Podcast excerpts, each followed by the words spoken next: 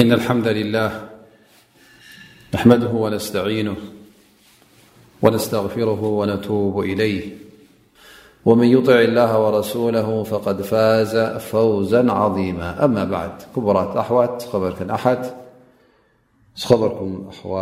كأخأأأسا عليكم رمة الله وبركاهإن شء الله تعالى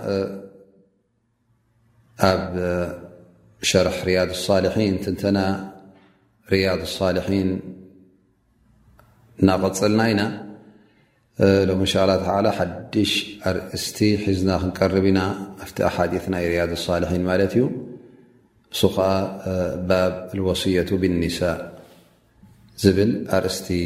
ከነቕርበልኩም ኢና። እሱ ባብ ኣልወስያ ብኒሳእ ነቢ ስለ ላ ለ ወሰለም ደቂ ኣንስትዮ እንታይ ዓይነት ወስያ ወይከዓ ለበዋ ከም ዝገደፉ ዘርኢ ኣሓዲስ ማለት እዩ። እንሻ ላ ተላ ንዕኡ ሎም መዓልቲ ክንወስድ ኢና ማለት እዩ።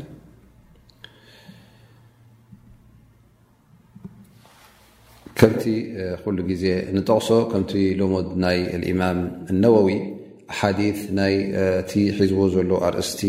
ከይጠቐሰ ከሎ መጀመርያ ብኣያት ቁርን እዩ ዝጅምሮ ማለት እዩ ካብቲ ናይ ቁርን ኣያታት ገለ ምስ ሒዝዎ ዘሎ ወይ ከዓ ምስ ሓሲብዎ ዘሎ ርእስቲ ዝኸይድ ምስኡ ገይሩ እንታይ ይገብር ማለት እዩ ኣያታት ይጠቅስ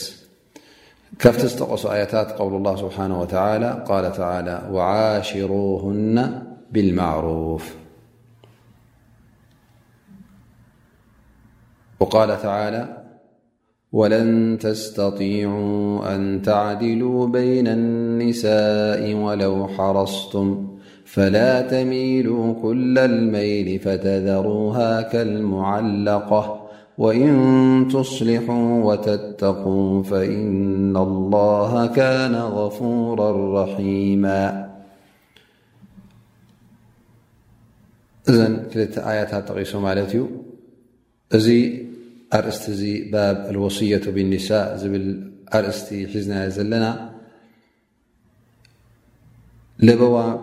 ብደቂ ኣንስትዮ ብፍላይ ማለት እዩ ወዲ ሰብ ንደቂ ኣንስትዮ ምስአን እንተደኣ ከም በዓልቲ ቤቱ ኮይና ከም ሓፍቱ ከም ኣዲኡ ኮይናስ ክግደሰላ ከም ዘለዎ ለበዋ እዩ እዚ ለበዋታት ብዛዕባ ናይ ነቢና ምሓመድ ስ ሰለም ይኹን ኣላ ስብሓን ወተዓላ ዝሃቦ ብዛዕበአን ለበዋታት ምኽንያቱ ዘን ደቂ ኣንስትዮ እዚአን እንተ ደኣ ምስ ኣይ ክዳረጋን ናቱ ሓይሊ ክበፅሓን ስለ ዘይክእላ ክዕምፀን እውን ስለ ዝኽእል ምእንቲ ዓመፅ ከይወርደን እሞ ኸዓ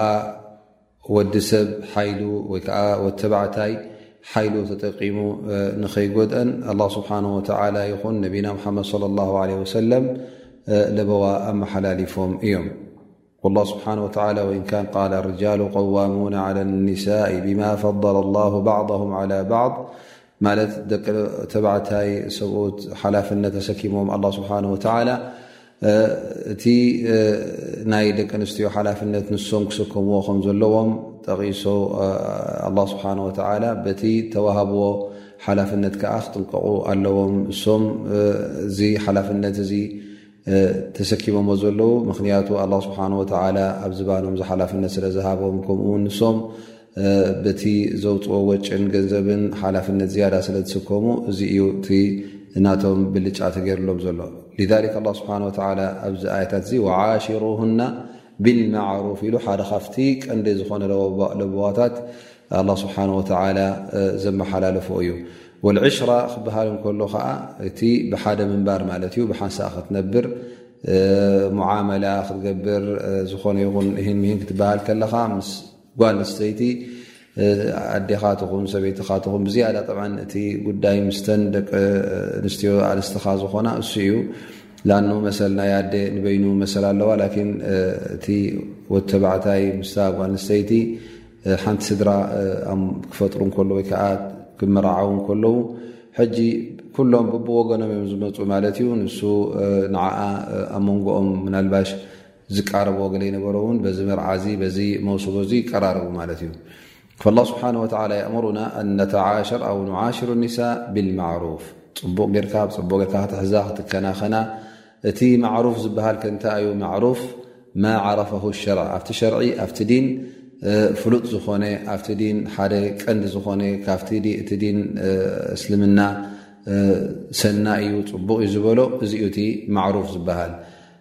እቲ ኣብ ሸርዒ ከኣ ኣብ ዲን ሙንከር ዝኾነ ዘይቅቡል ጌጋ ገበን ዝኾነ ከኣ ገበን እዩ ዝቁፅር ማለት እዩ ስለዚ እቲ ፅቡቕን እቲ እከይን ብምንታይ ኢና ክንመምዮ ንኽእል በቲ ሸርዒ እስልምና በቲ ዲን ኢኻ ትመምዮ ዳኣ እንበረይ ከም ድላይካ ኣይኮነን ፈፍቲ ሸርዒ እስልምና እንተ ቅኑዕ እዩ ተባሂሉ ሰና እዩ ተባሂሉ ንቡር ነገር እዩ ተባሂሉ እዚ ንቡር እዚ እሱ ዩ ንብር ዝኸውን ማለት እዩ ፈኢዘን በቲ ሸርዒ ዝበሎን በቲ ሸርዒ ዝወሰኖን ጌርካ ነዘን ደቂ ኣንስትዮ እዚአን ፅቡቅ ጌርካ ክትሕዘና ኣለካ ማለት እዩ ወቃል ላ ስብሓን ወተላ ተካልይቲ ኣያ ከዓ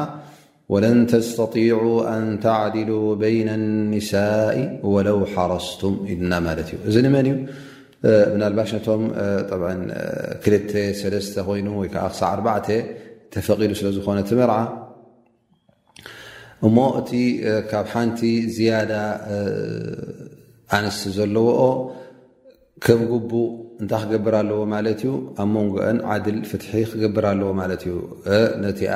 ብዝያዳ፣ ነቲኣ ጎደሎ ወይ ከኣ ነቲኣ ጸጽቡቑ፣ ነቲኣ ከኣ ወላ ወሪኣ ኣይምጽእ፣ ኣይሓተላ የብለላ፣ እዚ ነገራት እዚ። ክኸውን የብሉን እንታይ ደኣ ብዓድል ብፍትሒ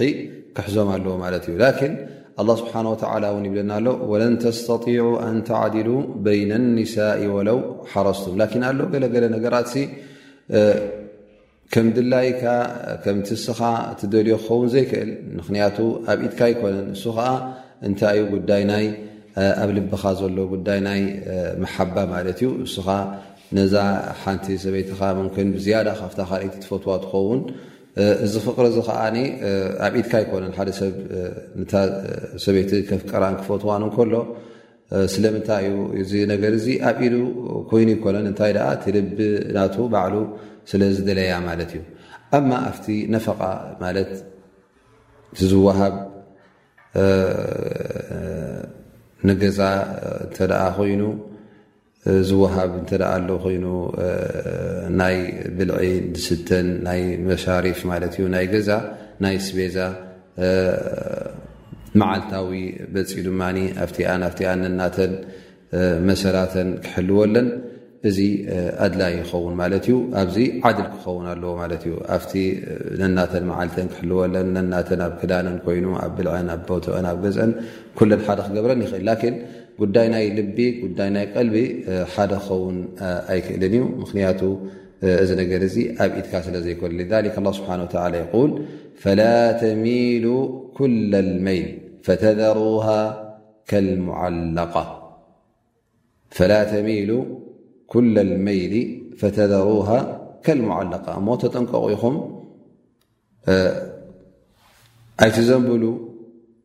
ምሉእ ዝንባሌ ኣይተርእዩ ምናልባሽ ናይ ልቢ ዝንባሌ እንተ ደኣ ኣሎ ኮይኑስ ኣብቲ ተግባራት ክረኤ የብሉን እንተ ደኣ ናብ ሓንቲኦን ዘንቢልኩም እንታይ ክኸውን እዩ ሽግር ክኸውን እተ ኻልይቲ እንታይ ክትከውን እያ ልክዕ ከምዛ ኣብ መንጎ ሰማይን መሬትን ተንጠልጠለት ጠልጠሊላ ልባ ተንጠልጢሉ ኣይ በዓልቲ ሓዳር ኣይ ፍትሕቲ ኮይና ትነብር ማለት እዩ ምክንያቱ እንተ እዚ ሰብኣይ እዚ ነታ ሓንቲ ኣማሪፁ ንዓኣ ዝያዳ ፍቕርን ዝያዳ ፍቶትን ዝያዳ ህያብን ዝያዳ ተገዳስነትን እተ ዝባ ኮይኑ እዚ እንታይ ይኸውን ኣሎ ማለት እዩ ካብቲ ኣላ ስብሓን ወተላ ዝሽርዖን ዘፍቀዶን ካብኡ ይወፅእ ኣሎ ማለት እዩ ጓልሰይቲ እውን እንተ ገዲፍካያ ልብኻን ኩሉ እንትናኻን ናፍታ ሓንቲ ናፍታ ካልኣይቲ እንተ ዘንቢሉ ንሳ ብጣዕሚ እቲ ሓንቲ ተቀዳሚ ትኹን ታ መቸም ትሽገር እያ ልክ ከምዛ ተንጠልጢላ ዘላ ኮይኑ ስለ ዝስምዓ ኣላ ስብሓን ወተላ እውን ካብዚ ኣጠንቂቑና ፈላ ተሚሉ ኩለ ልመይሊ ፈተዘሩሃ ከልሙዓለቃ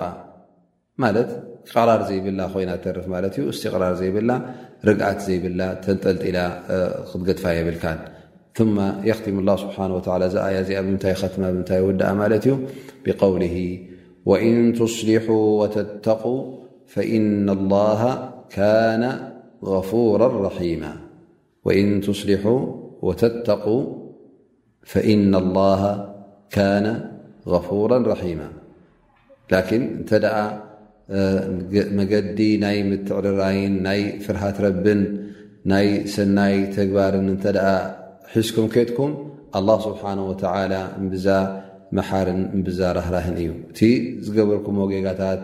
ክምሕረኩም እዩ፣ ክቕፍረልኩም እዩ። እቲ ዘይትኽእልዎ ዝነበርኩም እውን እቲ ናይ ልቢ እቲ ናይ ፍቕሪ ኣብ ኢድኩም ዘይነበረ እውን ኣላ ስብሓን ወተዓላ ክምሕረኩም እዩ። ላኪን ንስኹም እቲ ናይ እስላሕ ናይ ሰናይ ምግባር ናይ ፍርሃት ረቢ ኣርእዩ ኢኹም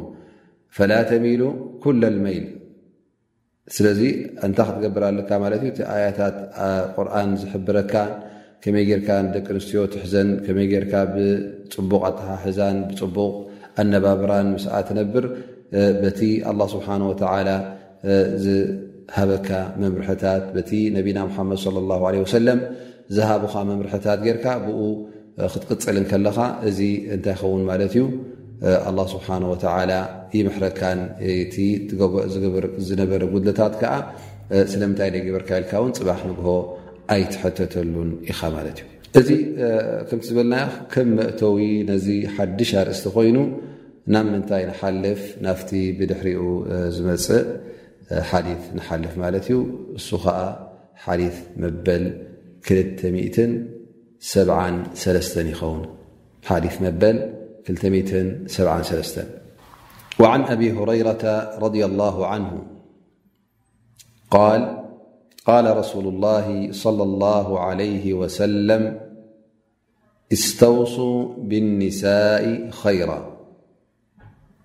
فإن المرأة خلقت من ضلع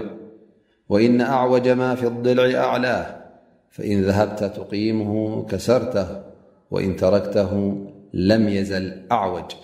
فاستوصوا بالنساء متفق عليه وفي رواية في الصحيحين المرأة كالضلع إن أقمتها كسرتها وإن استمتعت بها استمتعت وفيها عوج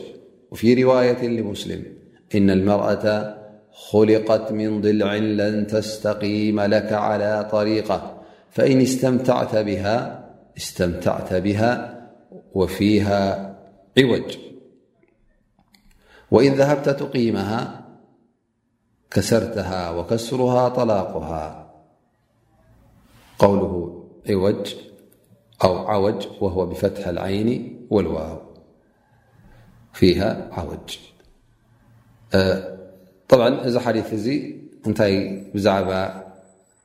ናይ ደቂ ኣንስትዮ ከመይ ጌርካ ከም ትሕዘን ከመይ ጌርካ ከም ተፈብሕበን ዝርኢ ማለት እዩ ሙዓሸራ ከመይ ጌርካ ከም ትነብር ምስኣ እቲ ኣነባብራ ናታ ኣይናይ ዓይነት ኣነባብራ እዩ ምስኣ ዝጠቅም ይርእየና ኣሎ ማለት እዩ እዚ ሓዲስ እዚ ፈነቢ ስለ ላ ሰለም ኣብዚ ሓዲስ እዚ ይብሉና ስተውሱ ብኒሳኢ ኸይራ እቲ ዝሃብኩኹም ወስያት ሕድሪ ሰናይ ዝኾነ ሕድሪ ብአን ተገደሱ ኢኹም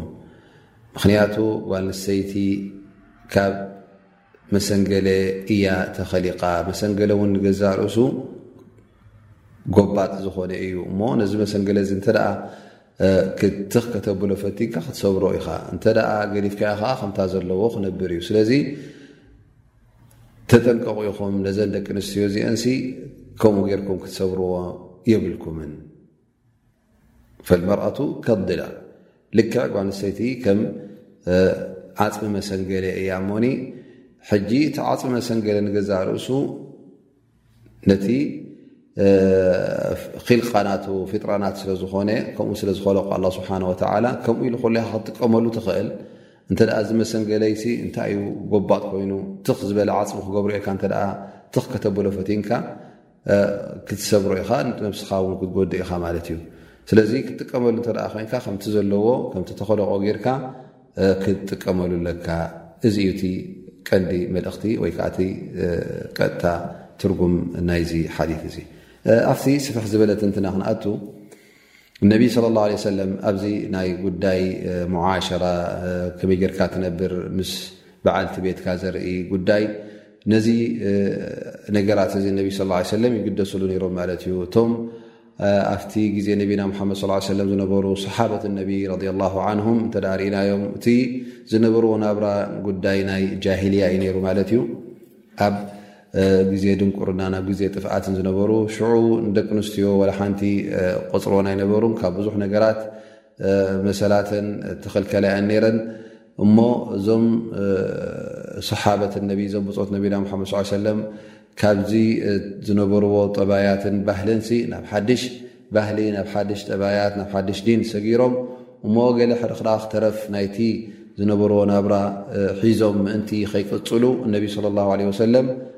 ይዋሰይዎም ወይ ከዓ ሕድሪ ይህቦም ነይሮም ማለት እዩ ካብቲ ዝሃቦ ዝሃቦም ሕድሪ እንልኩም እዚ ሓዲት እዚ ይኸውን እስተውሱ ብኒሳኢ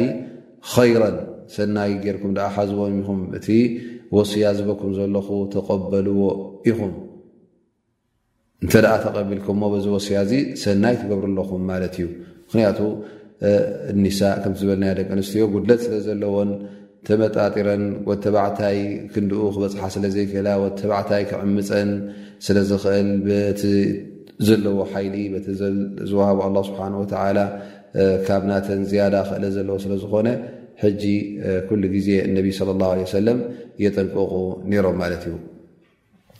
ጓል ኣንስተይቲ ከምቲ ኣብ ሱና ነቢ ዝፀነሓና ማለት እዩ ኣላ ስብሓን ወተላ ወይ ከዓ ኣብቲ ቁርን እውን ኣላ ስብሓን ወተላ መጀመርያ ንሰይድና ኣደም ኸሊቁ ማለት እዩ ኣደም ዓለ ሰላም ክኸልቆ ከሎ ብዘይ ኣቦ ብዘይ ኣደ ካብ ምንታይ ተኸሊቁ ኣደም ዓለ ሰላም ካብ ሓመድ እዩ ኸሊቁ ማለት እዩ ኩን ኢሉ ኣላ ስብሓን ወተላ ካብታ ሓመድ ካብ ባዶ ካብታ ጭቃ ኸሊቕዎ ማለት እዩ ኣቦ የብሉ ኣደ የብሉ ብድሕሪኡ ንበዓልቲ ቤቱ ካብ ምንታይ ኸሊቕዋ ማለት እዩ ካብ መሰንገሊኡ ካብቲ ድልዕ ወይ ከዓ ካብቲ መሰንገሊኡ ካብኡ ተኸሊቓ ማለት እዩ እዘን እቲ ኣፈጣጥራ ናታ ካብ ምንታይ እዩ ካብ መሰንገለ ወተባዕታይ ተኸለቀት እሞ ከዓ ናይቲ መሰንገለ ጠባይ ናይ ወሲዳ ማለት እዩ ጎባጥ ኮይና ማለት እቲ ናታ ጠባይ ወይ ከዓ እቲ ናታ ድልትን እቲ ናታ ባህርንሲ ልክዕ ከምቲ ናይ ወተባዕታይ ክኸውን ኣይክእልን እዩ ካብኡ እተፈለየ እዩ ክልቲኡ ወተባዕታይ ወተባዕታዩ ጓልንሰይቲ ከዓ ጓልንሰይቲ ንሳ ናታ ባህሪ ናታ ጠባይ ኣለዋ እሞ ንስኻ ኣንታ ወተባዕታይ ልክዕ ከማኻ ክትገብራ ከምቲ ናትካ ጠባይ ከምቲ ናትካ ተሓሳስባ ጌራ ክትከይድ እንተ ደሊ ኮይንካ እስኻ ሕጂ ካብቲ ፍጥረታን ካብቲ ባህርያታን ካብኡ ኢኻ ክትጠውያ ትሓስብ ዘለኻ ማለት እዩ ስለዚ እዛ ሰብ እዚኣ ከምቲ ባህርናታ ጌርካ ከምቲ ጠባያታ ጌርካ ክትወስዳ ኣለካ ማለት እዩ ፈፂምካ ካብኡ ከተውፅኣ ኣይትፈትን እንተ ካብኡ ከተውፅኣ ፈቲንካ እንታይ ትገብር ኣለኻ ማለት እዩ ካልእ ዓይነት ካልእ ፍጥረት ክትከውን ኢኻ ደልያ ዘለኻ እሞ እንተ ኣገዲድካያ ከዓ ኣብ መጨረሻ ክትቅየር ክትልወጥ ኣይትኽእልን እያ ጓልሰይቲ ጓልሰይቲ እያ ወተባዕታይ ጠባይ ወተባዕታይ ሒዛ እውን ክትከይድ ኣይትኽእልን እያ ስለዚ ኣብ መጨረሻ እንታይ ክትገብር ክትፈላለ ኢኻ ማለት እዩ ክትፈትሓ ኢኻ እሞ ሕጂ ክትዕርያ ዝፈተንካ ድዕረኻ መሲሉካ ኣብ ምንታይ ክትበፅሕ ኢኻ ኣብ ምስባር ክትበፅሕ ኢኻ ላኪን ናብራኹም ክቕፅል እንተ ደልዩ ኮይንኩም እዛ ሰብ እዚኣ ክትምትዓላን ክድሰተላን እንተ ደልኻ ኮይንካ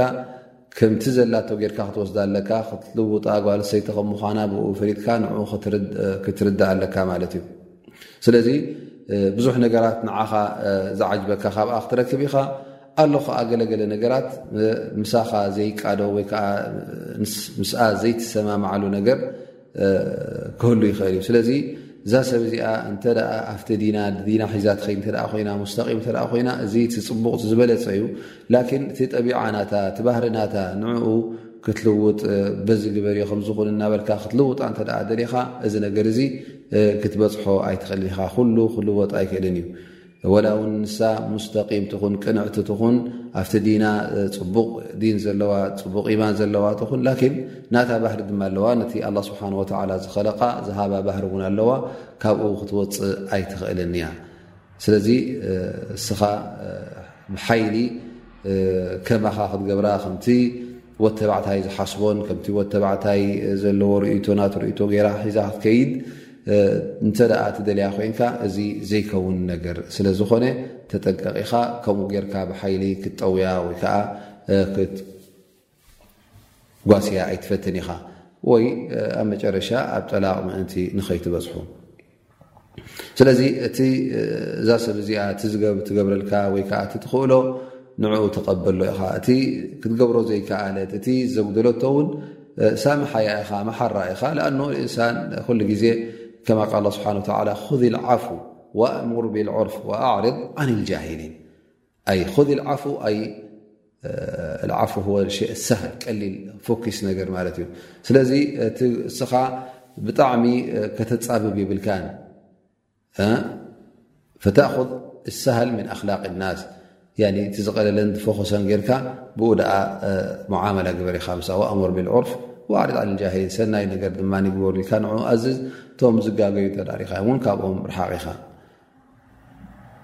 ስለዚ ጓል ንስተይቲ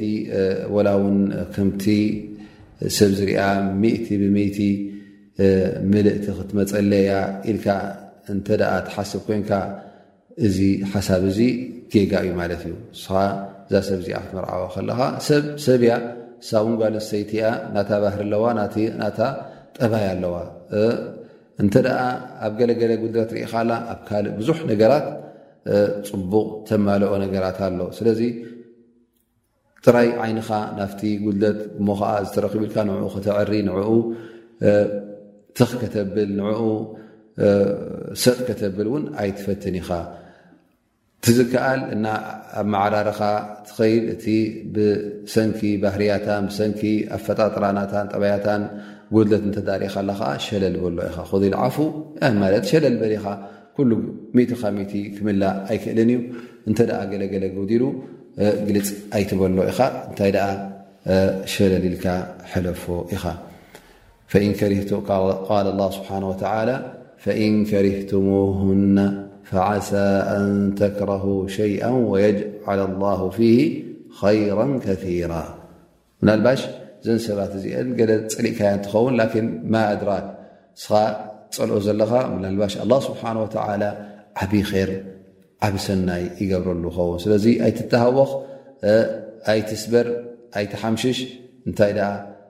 ብሰላም ነታ ናብራኹም ነታ ስድራኹም ምእንቲ ክትከይድ እቲ ነገራት ብሸለል ገሊኡ ሕለፎ ገሊኡ ከዓ ዓይንኻ ዓሚትካ ሕለፎ እንታይ ደኣ ጥራይ ብሰናይ ብልዝብ ብፍቕርን ክትቅፅሉ ምእንቲ እዚ እቲ ቀዳማይ ሓዲት ማለት እዩ ካብኡ ሓሊፍና ናፍቲ ድሕሪኡ ዘሎ ሓዲት እውን ንሰግር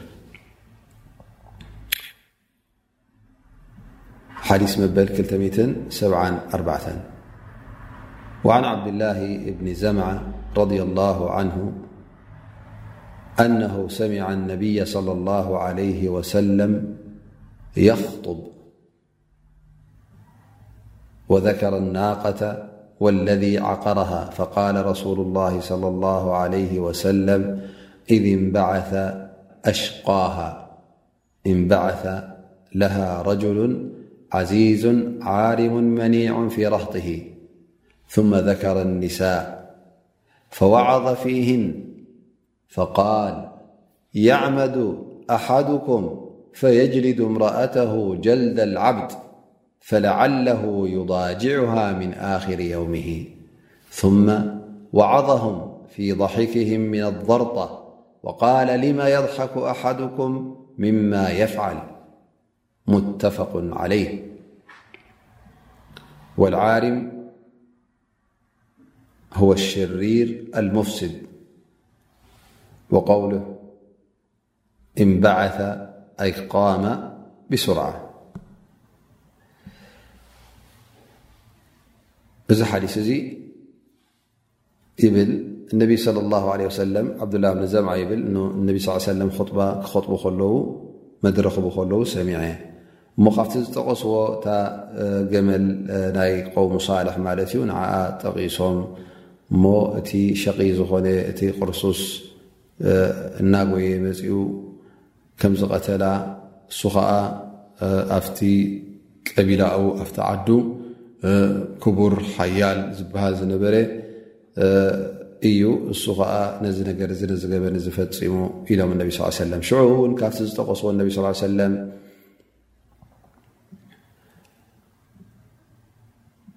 ይብሉ ብዛዕባ ደቂ ኣንስትዮ እውን ለበዋ ሂቦም ምኽሪ ሂቦም ካብቲ ዝበልዎ እንታይ ኢኹም ትገብሩ ዘለኹም ሓደ ካባኻትኩም ነዛ በዓልቲ ቤት ነዛ ሰበይቲ መፅኡ ከም ባርያ ግርፍ የብላ እሞ ዳሕራይ ከዓ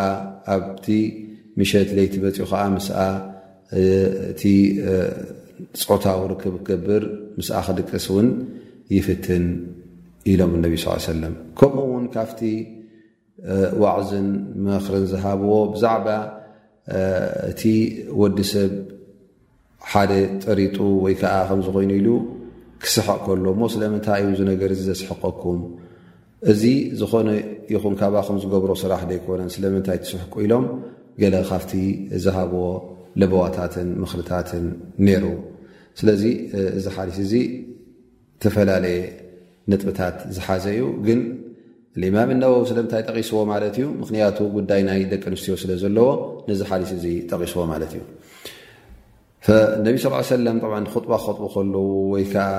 ፅንሕ ፅንሕ ኢሎም መደረ ክቡ ከለዉ በቢ ዓይነት ዩ ነርቲ ክጥባ ናቶም ፍሉጥ ዝኾኑ ክጥባ ብመዓልቱን ብእዋኑን ብሰዓቱን ዝተፈለጠ ከም ናይ ጅምዓት ክጥባ ይኸጥቡ ነሮም ኣብ ዒድ ክልተ ዒድ ድማ ነሮን ኣብአን ይኸጥቡ እስቲስቃእ ክርከብ ከሎ፣ ሰላት እስቲስቃእ፣ ሰላት ኣልኩሱፍ ክግበር እንከሎ፣ እዚ ፍልይ ፍልይ ዝበለ እዋናት ኣብ ቦትኡን ግዜኡን ሰዓቱን ዝሓለወ ኹጥባታት ነይሩ ማለት እዩ ካልእ ኹጥባታት ድማ ነይሩ ነቢ ስለ ላ ለ ሰለም ብእዋኑ ኣጋጣሚ እንተ ገለ ነገር ተረኺቡ ወይ እውን ኣብኡ ከለዉ ውን ምኽሪ ንኽቡ ነቢ ስለ ላ ለ ወሰለም መደረ ወይ ከዓ ኹጥባ ይቡ ነሮም ማለት እዩ ስለዚ ክኸጥቡ ከለዉ ናይ ግድን ኣይኮነን ኣብ ፍሉይ ቦታ ክኸውን ኩሉ ግዜ ኣብቲ ሚንበሮም ኣብ መስጊዶም ኮይኖም ኹጥባ ይህቡ ሓንሳ ደው ኢሎም ወላ ኣብቲ መስጊድ ይኹን ወይከዓ ወፃዓ ካብቲ መስጊድ ኹጥባ ይገብሩ፣ መደረ ይገብሩ፣ ገለ ሓንሳ ሓንሳ እውን ኣብታ ገመሎም ትሰቒሎም ከለዉ ኣብኡ እውን ይዛረቡ ማለት እዩ። ሓንሳ ደው ኢሎም ከለዉ ኣብ ሓደ ካብቶም ብፆቶም ተመርኪሶም ተፀጊዖም እውን ኹጥባ ይገብሩ ነይሮም ማለት እዩ። ፈነቢ ሰለ ላሁ ለ ወሰለም ናይ ግድን ኣይኮነን ግዴታ ኣብ ሓንቲ ቦታ ኣብ መስጊድ ኣብኡ መጺኩም ስምዑኒ ወይ ከዓ ኣብኡ ጥራየ ዝዛረብ ኣብኡ ጥራየ ዋዕዝ ዝህብ ገለሜታት ኣይብሉን እዮም እቲ ዝከኣል ነገር ብዘየገድስ ኣብ ዝኾነ ቦታ ኣብ ዝኾነ ሰዓት ጥራይ እታ መልእኽቶም ንኸብፅሑ ብዝያዳ እዮም ዝግደሱ ነይሮም ማለት እዩ ኹጥባ ክኸጥቡ ከለዉ ሕጂ ዓብዱላ ብን ዘምዓ ሰሚዕዎም ማለት እዩ ካብቲ ዝሰምዖም እቲ ነታ ናቃ ወይ ከዓ እታ ገመል ቆውሙ ሳልሕ መን ከም ዝቐተላ ብዛዕባኣ ጠቒሶምልና ይብል ማለት እዩ ሓደ ካብቶም ውሩያትን ክቡራን ዝበሃሉ ወይከዓ ሽማግሊ ዓዲ ወይከዓ ካብቶም ቀቢላታት ሓያላት ዝበሃሉ ቤተሰብ ካብኦም እዩ ነይሩ እሞ እሱ ኸዓ እናጎየ መፂኡ ነዛ ገመል እዚኣ ከም ዝቐተላ ነቢ صለ ላሁ ለ ወሰለም ብዛዕባኡ ጠቒሶምሉ ማለት እዩ ስለዚ እዚ ዓብዱላህ ብን ዘምዓ ኩሉ እቲ ነገር እንታይ ኢሎም ካብ ምንታይ ጀሚሮሞ እንታይ ከዘይ ክሳዕበይ በፂሖም ነቢ ስ ሰለም ኣይጠቐሱን ግን ካብቲ ዝዘከሮ ካብቲ ኹጥባ እዚዘከረን ይጠቕሰን ኣሎ ማለት እዩ ኣሕፅር ኣሕፅር ኣቢሉ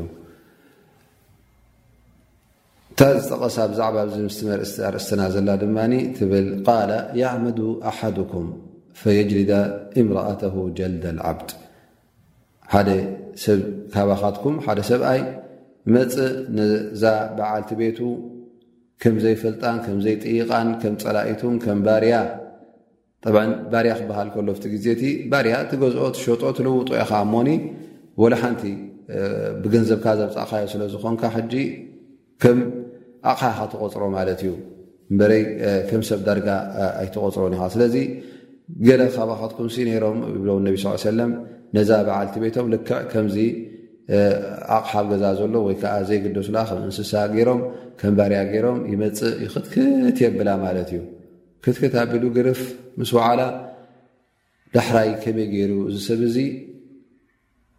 ምሸት ምስኣ ኣብ ሓደ ዓራት ክድቅስ ከመይ ገይሩ ይቐርባ ኢሎም እነቢ ስለ ላ ለ ሰለም ነዚ ጉዳይ ዝጠቒሶም ማለት እዩ ምክንያቱ እቲ ርክብ ኣብ መንጎ ሰብኣይን ሰበይትን ዘሎ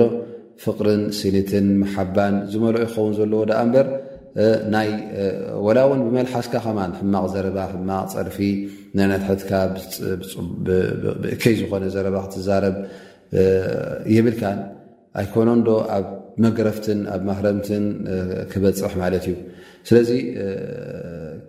እዛ ሰብ እዚኣ እስኻ ኣብ መንጎኻን ኣብ መንጎኣን መሓባን ፍቕርን ስለ ዘሎ ኢኻ ወይ ከዓ እዚ ነገር ዚ ንክርከብ ዩ ካምፅእካያ ዘለካ ማለት እዩ ስለዚ ከመይ ጌርካ ከምዚ ጌርካ ተሃርማን ትቕጥቅጣን ዳሕራይ መፅእካ ንምሸቱ ካብኣ እቲ ሰብኣይ ዝደልዮ ካብኣ ትደሊ ከመይ ጌርካ እስኻን ንሳን ክልቴኹምሲ ክትምትዑን ክትድሰቱን ትኽእሉ እቲ ትገብርዎ ተግባር እንተ ደኣ ካብ መሓባን ካብ ፍቕርን ዝተስአ እንተ ደኣ ዘይኮነ ዝስምዓካ ስምዒት ወይ ከዓ እተርውዮ ስምዒትሲ ከመይ ገይሩ ደስ ይብለካ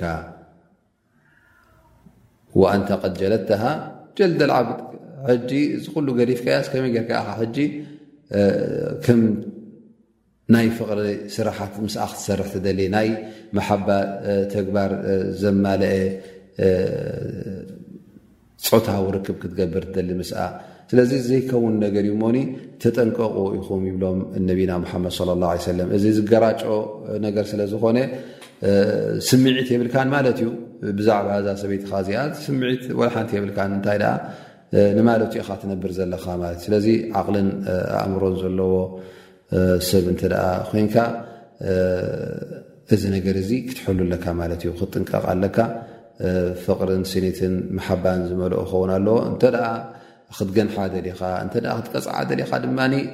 ዓቕልን ኣእምሮን ዝቕበሎ ጌርካ እውን ምናልባሽ ትቐፅዓ ኣኣኑ ምቕፃዕ ክህሉ ይኽእል እዩ ምኩርራይ ኣብ መንጎ ሰብኣይን ሰበይትን ክህሉ ይኽእል እዩ እዚ ነገራት ኣሎ ላን ደረጃ ናይ መገረፍቲ ከም እንስሳን ከም ባርያን ጌርካ ክትገርፋ እዚ ነገር እዚ ካብኡ የጠንቀቑን ኣለዉ ማለት እዩ። እዚ ጠባያት እዚ ዓብዪ ገበን ከም ምዃኑ እነቢ ስለ ላ ሰለም ዘይቅቡል ከም ምዃኑ ነቢ ስ ሰለም ሓቢሮምና ማለት እዩ። ካብቲ ወስያ ዝሃብዎ ከዓ እንታይ እዩ? ብዛዕባ እቲ ኣብቲ ሕብረተሰብ ዝርከብ ዝነበረ ጌጋ ከም ፅያፍ ዝኾነ ነገር ማለት እዩ ምናልባሽ ገለገለ ሰባት እንተ ሓደ ሰብ ክጠርጥ እተ ሰሚዕዎ እንታይ ይገብር ማለት እዩ ይስሕቕ ማለት እዩ ፈነቢ ስለ ላ ለ ሰለም ካብዚ ነገር እዚ ኣጠንቂቖምና ማለት እዩ ስለምንታይ ኢኹም ካብቲ እትገብርዎ ነገር ትስሕቁ እዚ ነገር እዚ ኩላኩም ትገብርዎ ዶ ኣይኮኑ ሓደ ሰብ እተ ንሓንቲ ጉዳይ ዝገብራ እተ ኮይኑ ከመይ ገይሩ ይስሕቕ እሞ እዚ ናይ ባህርያዊ ወይ ከዓ ናይ ባህሪ ነገር እዩ ከምዚ ወዲ ሰብ ኩሉ እና ኣፈጣጥራ ናይ ወዲ ሰብ ማለት እዩ ወዲ ሰብ ይበልዕ ይሰቲ እተ በሊዑ እተ ሰትኡ ከዓ ናይ ግድን ቀልቀል ክኸይዲ ማለት እዩ ፈሲ ይኹን ጥራጥ ይኹን እዚታት ዘይተርፍ ነገር እዩ ማለት እዩ እተ ትበላዕልካ ኮንካ እተ ህየት ኣለካ ኮይኑ እዚ ነገራት እዚ ኣነስ ፈፂመ እዚ ነገር እዚ ቀልቀል ዘብኡ ወይ ከዓ ከምዚ ዓይነታት መፂኡኒ ይፈልጥኒ ዝብል ሰብ የለን ስለዚ እነቢ ስለ ላ ለ ወሰለም እንተ እዚ ነገር እዚ ካባኻ ንስኻ ትገብሮ እተ ኮንካስ ከመይ ገርካ ኢኻ ትስሕቕ ምናልባሽ ዘስሕቕ ነገር ክኸውን ከሎ ሓደ ዝገርም ዘይትፈልጦ ነገር ሓዱሽ ነገር ክኾልካ ከሎ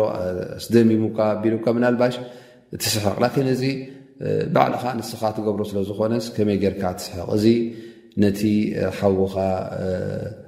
ንዕኡ ምስትንኣስ ወይ ከዓ ንኡ ሓረጅ ሕፍረት ተንፃሉ ስለ ትኽእል ካብዚ እነቢይ ለ ላ ለ ወሰለም የጠንቀቑና ማለት እዩ ጠብ እዚ ጉዳይ እዚ ኣብ ገለገለ ህብረተሰባት እውን እንተ ኣ ርእና እተፈላለየ ዓይነት ኣረኣእያ ኣለዎ ማለት እዩ ገሊኦም ልክዕ ከም ሰዓል ወይ ከዓ ከም ምስትንፋስ ዝርእዎ ኣሎ ማለት እዩ ወላ ሓንቲ እናኸደ ከሎ ይጠርጥ ወላ ኣይሕፍሮ ወላ ይሓፍር ወላ ተወንግልፅ ኣይብሎን እዩ ማለት እዩ ኣብ ገለገለ ህብረተሰባት ከዓ እንተ ርእናዮ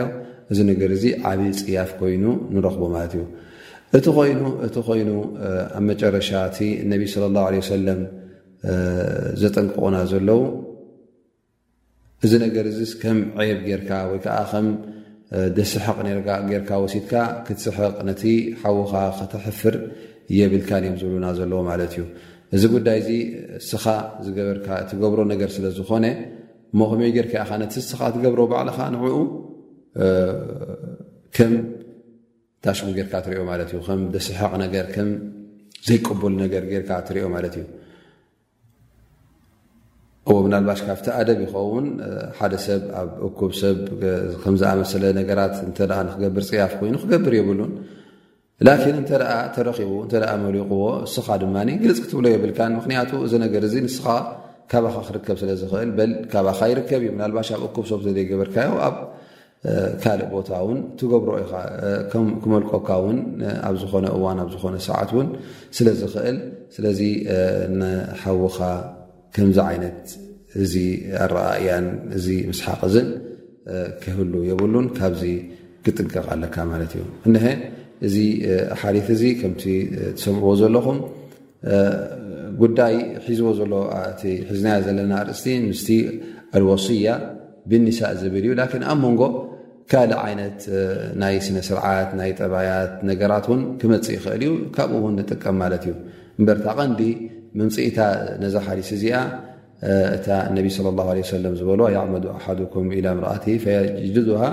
ጀልደ ልዓብድ እዚኣ እታ ቐንዲ ምዛ ሎሚ ሒዝናያ ዘለና ኣርእስቲ ስለዚ እቲ መዓመላ ናይ ጓ ንሰይቲ ክሳዕ ኣብ መግረፍትን ኣብ ማህረምትን እውን ክበፅሕ የብሉን ላኪን ጠብ እቲ ማህረምቲ ወይ ከዓ እንተ ክትእድባ ኮይንካ ቶ ዑለማ ዝብልዎ ኣወለን ቅድሚኡ ቅድሚዙይ ናብኡ ምብፃሕ ዋዕዝ ክትገብር ኣለካ ከተጠንቀቕ ኣለካ ከተፈራርህ ኣለካ ብረቢ ጌጋ ከም ዝገበረ ትመኽራ ማለት እዩ እንተ ኣብያ ሂጅ ኣብ ምድቃስ ካብኡ ምስኣ ትርሕቕ ማለት እዩ ተሃጅራ ማለት እዩ ትገድፋ ምክንያቱ እዚ እውን ሓደ ካብቲ መቕፃዕቲ ስለ ዝኾነ ከይቀረብካያ ንነዊሕ እዋን ትፀንሕ ማለት እዩ እንተ ኣብያ ኣብ መጨረሻ እውን ወላ ክምህራብ እንተ ኣሎ ኮይኑ ከም መግረፍቲ ክትገብር እተ ኮይንካስ ህዋ ይኹን ضርብ غይረ ሙብርሕ ይብሉ ማለት እዩ ማህረምቲስ ኣብ ገፅ ክትሃርም ወይ ከዓ ኣብ ዘዕንዓ ብጣዕሚ ዘሕማን ዘቐንዝዋን ጌርካ ክትሃርማ ይብልካ እናኪኖ እንታይ እዩ እዚ ከም ጠፍ ኣቢልካ ብፎኪስ ነገር ብንእሽተይ ነገር ጠፍ ከተበላ ከለኻ እንታይ ትገብር ኣለኻ ማለት እዩ ብጣዕሚ ተቆጢዕካ ከም ዘለኻ ንኸተርእያ ማለት እዩ እምበረይ ሱቕ ኢልካ ኣላ ስብሓን ወተዓላ ንክንሃርም ደቂ ኣንስትዮ ፍቂዱልና ኢልካ ምራን ኣምፅእካ ወይ ከዓ ኩርባጅ ኣምፅእካ ወይ ከዓ ዱላን በትርን ኣምፅእካ ክትክት ኣብል ማለት ኣይኮነን እነቢ ስለ ላሁ ለ ሰለም ፈፂሞም ንሶም ንወተባዕታ ይኹን ወይ ከዓ ንጓ ኣንስተይቲ ንቆልዓ ይኹን ንገደ ኣይሃረሙን ኣይከትከቱን ንመቕፃዕቲ ኢሎም ማለት እዩ ስለዚ እዚ ካብ ኮነ እቲ ሲራ ናይ ነቢና ሙሓመድ ስ ሰለም እቲ ኣካይዳ ነቢና ሙሓመድ ለ ላ ሰለም ከመይ ገይሮም ምስ በዓልቲ ቤቶም ይካየዱ ነይሮም ከመይ ገይሮም ሒዞምን ነይሮም እሰን እንታይ ገብራ ነይረን እሶም ከ እንታይ ይብሉ ነይሮም ነቢ ስለ ላ ለ ወሰለም ንዕኡ ካብቲ ሲራ ናቶም ካብቲ ሱና ናቶም ወሲድና ነቲ ናይ ነቢና ሙሓመድ ለ ላ ሰለም ኣሰር ክንክተል ኣለና ማለት እዩ እንተዘይኮነ እንተ ኩላህና ከከም ድላይና ኣእምሮና ዝበለና ዓቕልና ዝበለና እተ ድላይና ክንገብር እተ ኮይና እቲ ናይ ስድራ ቤት ሙቐት እቲ ናይ ስድራ ቤት ሓለዋ እቲ ናይ ስድራ ቤት ምትእስሳር ኩሉ ክፈናጣሕን ክበላሾን ስለ ዝኾነ ካብዚ ክንጥቀቕ ኣለና ማለት እዩ ስለዚ ላቡዳ ምን መዓሸረት ኒሳ ብልማዕሩፍ ደቂ ኣንስትዮ ክትሕዘን ከለኻ በቲ ማዕሩፍ በቲ ሰናይ ዝኾነ ደኣ ሓዘን ኢኻ በቲ ር ዝኾነ ኣተሓሕዛ ጌርካ ሓዘን ኢኻ ወላ ሙሉእ ክትረክብ ኣይትኽእልን ኢኻ ሙሉእነት እውን የብለንን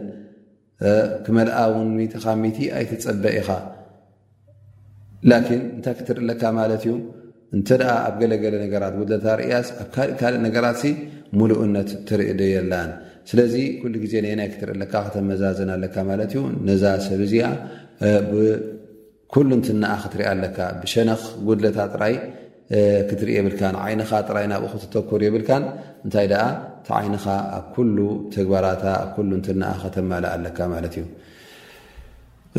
طبع ل أحايث وسن نشاء الله ل م كلأت أحاديث نقلن بارك الله لي ولكم وأسأل الله سبحانه وتعالى أن ينفعني واياكم بما سمعنا وأن يجعله حجة لنا لا حجة علينا